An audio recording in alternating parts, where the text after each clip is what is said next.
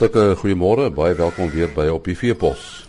Ons uh, gesels vanoggend met Johan van der Berg van uh, Santam Landbou en uh, ons praat natuurlik oor die weer. Uh, ons weet nou almal van uh, droogte op baie plekke in die land uh, Johan. Dit lyk my die probleem is baie van die water lê bo Madagaskar as ek reg.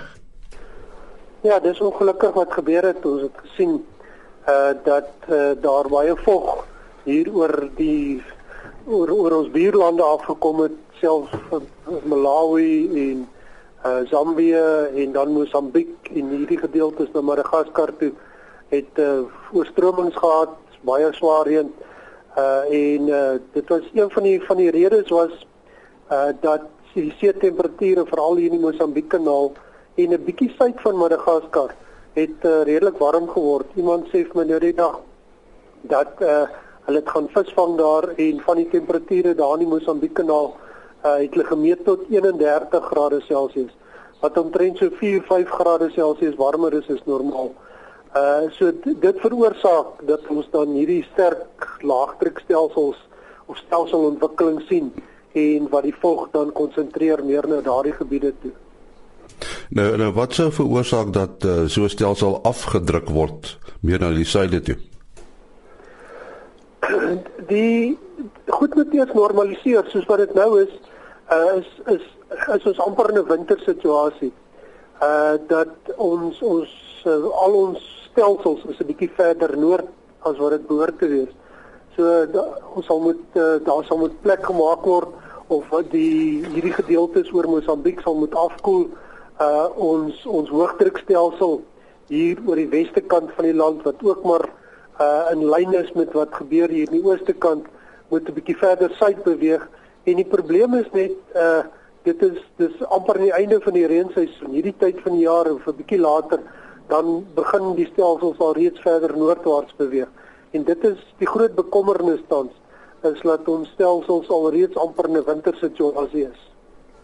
Ja, jy sê mos al die N1 is die skeidslyn. Uh wat is die uh, onlangse geskiedenis? Was daar reën? Op 'n stadium het dit lyk my die oor die naweek het dit meer oor die oostelike gedeeltes het dit gereën.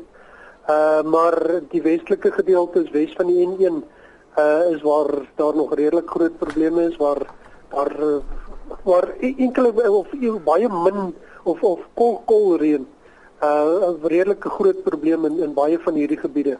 Maar wat interessant is vanjaar, ehm um, dat die selfs die oostelike gedeeltes, so ons wil sê oos van die N1 uh, het ons droërkolle gekry. Ehm um, as ons mens praat daar rondom Standerton, Belfort, selfs die Noord-Oos-Vrystaat gedeeltes. Uh dan uh, ook bietjie wes van die N1 met 'n Wolfvillionskroon was 'n droërkol en dan uh, daar ook Noordwes provinsie, Lichtenburg, Delaraywil gedeeltes daar. So hierdie was nie so 'n uh, gekonsentreerde droogte in een gedeelte nie. Dit was 'n 'n droogte wat oor 'n groter gebied geval het of voor, voorgekom het. En uh, maar tussenin uh, was daar ook kolle wat wat regtig eintlik normale en selfs bo normale reënval gehad het plek plek. So baie wisselvallig uh die seisoen wat maar tipies is van 'n droë seisoen is dat ons hierdie baie wisselvallige reënval patroon gesien het. Ja, jy het gesê ons is nou amper in 'n winter situasie. Uh wat wat is die uh, korttermyn vooruitsigte? Korttermyn wys tog, ek sien die meeste voorspellings wys dat hier tog 'n bietjie verbetering is uh vir reën oor die somerreënvalgebied uh in die volgende 2-3 weke. Uh dit lyk tog of daar 'n bietjie verswakking van die stelsels hier in die in die uh, Mosambiek kanaal en Indiese Oseaan is en dat daar daarom weer 'n bietjie volg hier oor Namibië, Botswana en oor die sentrale gedeeltes van die land voorkom. So die voorspellings wys tog uh, dat daar dalk 20 30 mm in die volgende 2 2 weke of so kan voorkom.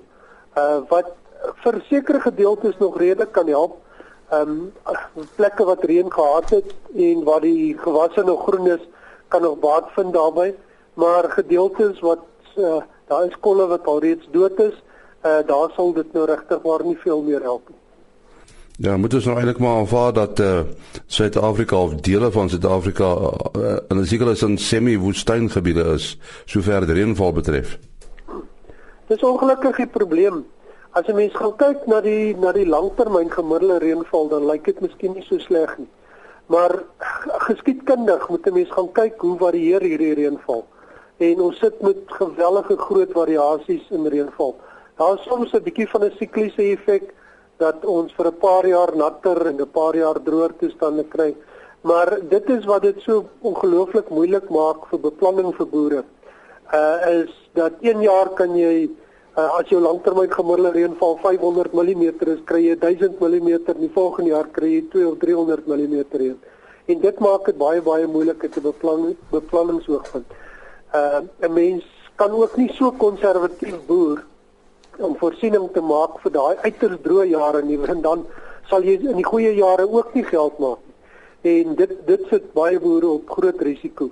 Uh want 'n mens moet tog in uit 'n saai of 'n graan oogpunt moet jy kunsmis gee en jy moet tog redelike plante stand uh, handhaaf om in die goeie jare ook uh, dan redelike opbrengste te bepaal want dit is die goeie jare wat wat mense geld maak. So as jy te konservatief is dan gaan jy ook nie in die goeie jare uh, uh, oes te behaal nie. So dit is wat dit uiters moeilik maak um, en en baie riskant vir boerdery in Suid-Afrika. Ja, as mens dink aan die aan die noordwes gedeeltes, veral daar Vryburg omgewing wat uh, ook droogtes eintlik baie goed ken, hè. Ehm uh, die boere is in 'n sekere sin al aangepas vir hierdie toestande. Ja, mens kan tot 'n sekere mate kan jy aanpas.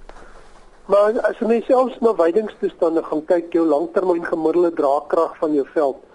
Uh sê jy gaan in die in die helfte van die jare gaan jy meer weiding hê as die langtermyn gemiddeld en in die helfte van die jare minder. En en in sekere jare gaan jy baie minder hê. So wat is die die hoeveelheid vee wat 'n mens moet aanhou en dit is dieselfde geldig ehm um, vir as vir graanboere.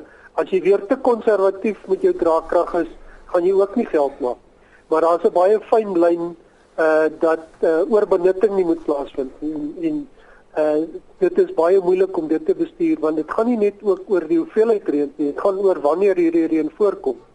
So ja, dit bly dit bly 'n baie moeilike bestuursbesluit. Ja, mense ekstrapoleer mos nou graag. As ons nou so 'n somer gehad het, wat 'n soort winter. Die winterreënvalgebied, is daar enige aanduidings? Op hierdie stadium lyk dit tog of of die El Niño wat wat redelik neutraal was en so tussen op die grens tussen El Niño en en neutraal dalk 'n bietjie sterker gaan ontwikkel hierdie volgende paar maande. En tradisioneel as die El Niño bietjie sterker of ontwikkel, dan uh, is die kanse vir winterreën weer beter. So op hierdie stadium lyk dit as hierdie so tendens gaan voortgaan dat winterreën val oor die suidelike gedeeltes van die land, maar selfs daar vir die sentrale gedeeltes ehm uh, dalk 'n bietjie beter kan wees. Uh maar dit is nog baie vroeg in die seisoen en ons weet ook hier van Maart tot omtrent Julie Augustus is is dit die moeilikste tyd om die voorspelbaarheid van die El Niño uh te kan bepaal want dit is baie vloeibaar eers hier van Augustus September se kant af kan 'n mens regtig waar sê. Maar op hierdie stadium uh, verhoog dit die kanse vir reën in die suidelike gedeeltes van die land en winterreën dan. En die intensiteit van die van die winter hierbo?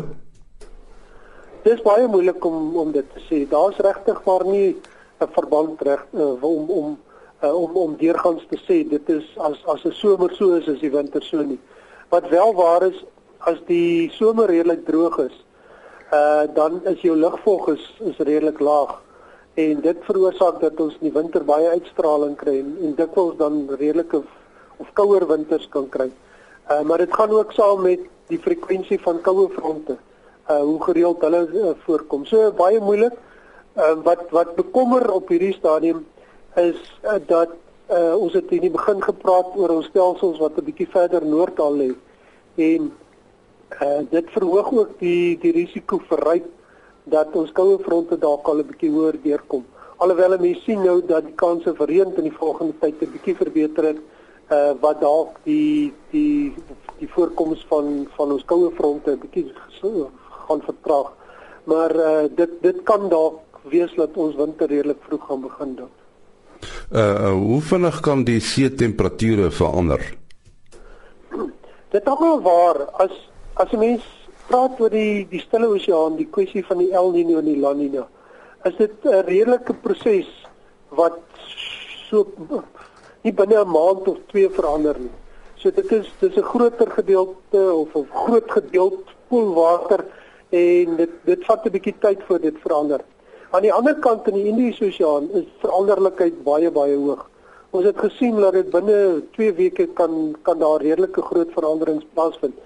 En en dis wat dit ook moeilik maak met die Indiese Oseaan die voorspelling van wat daar gaan gebeur. So dit kan dit hang af van die see stroom, dit hang af hoe sterk die winde waai.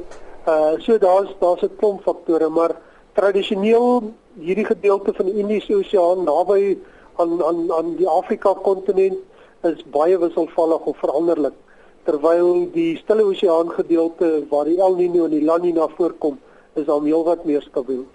Ons so praat Johan van der Berg van Santam Landbou oor die weer. Maandagoggend is ons terug met op die veepos. Onthou om kwart voor 5.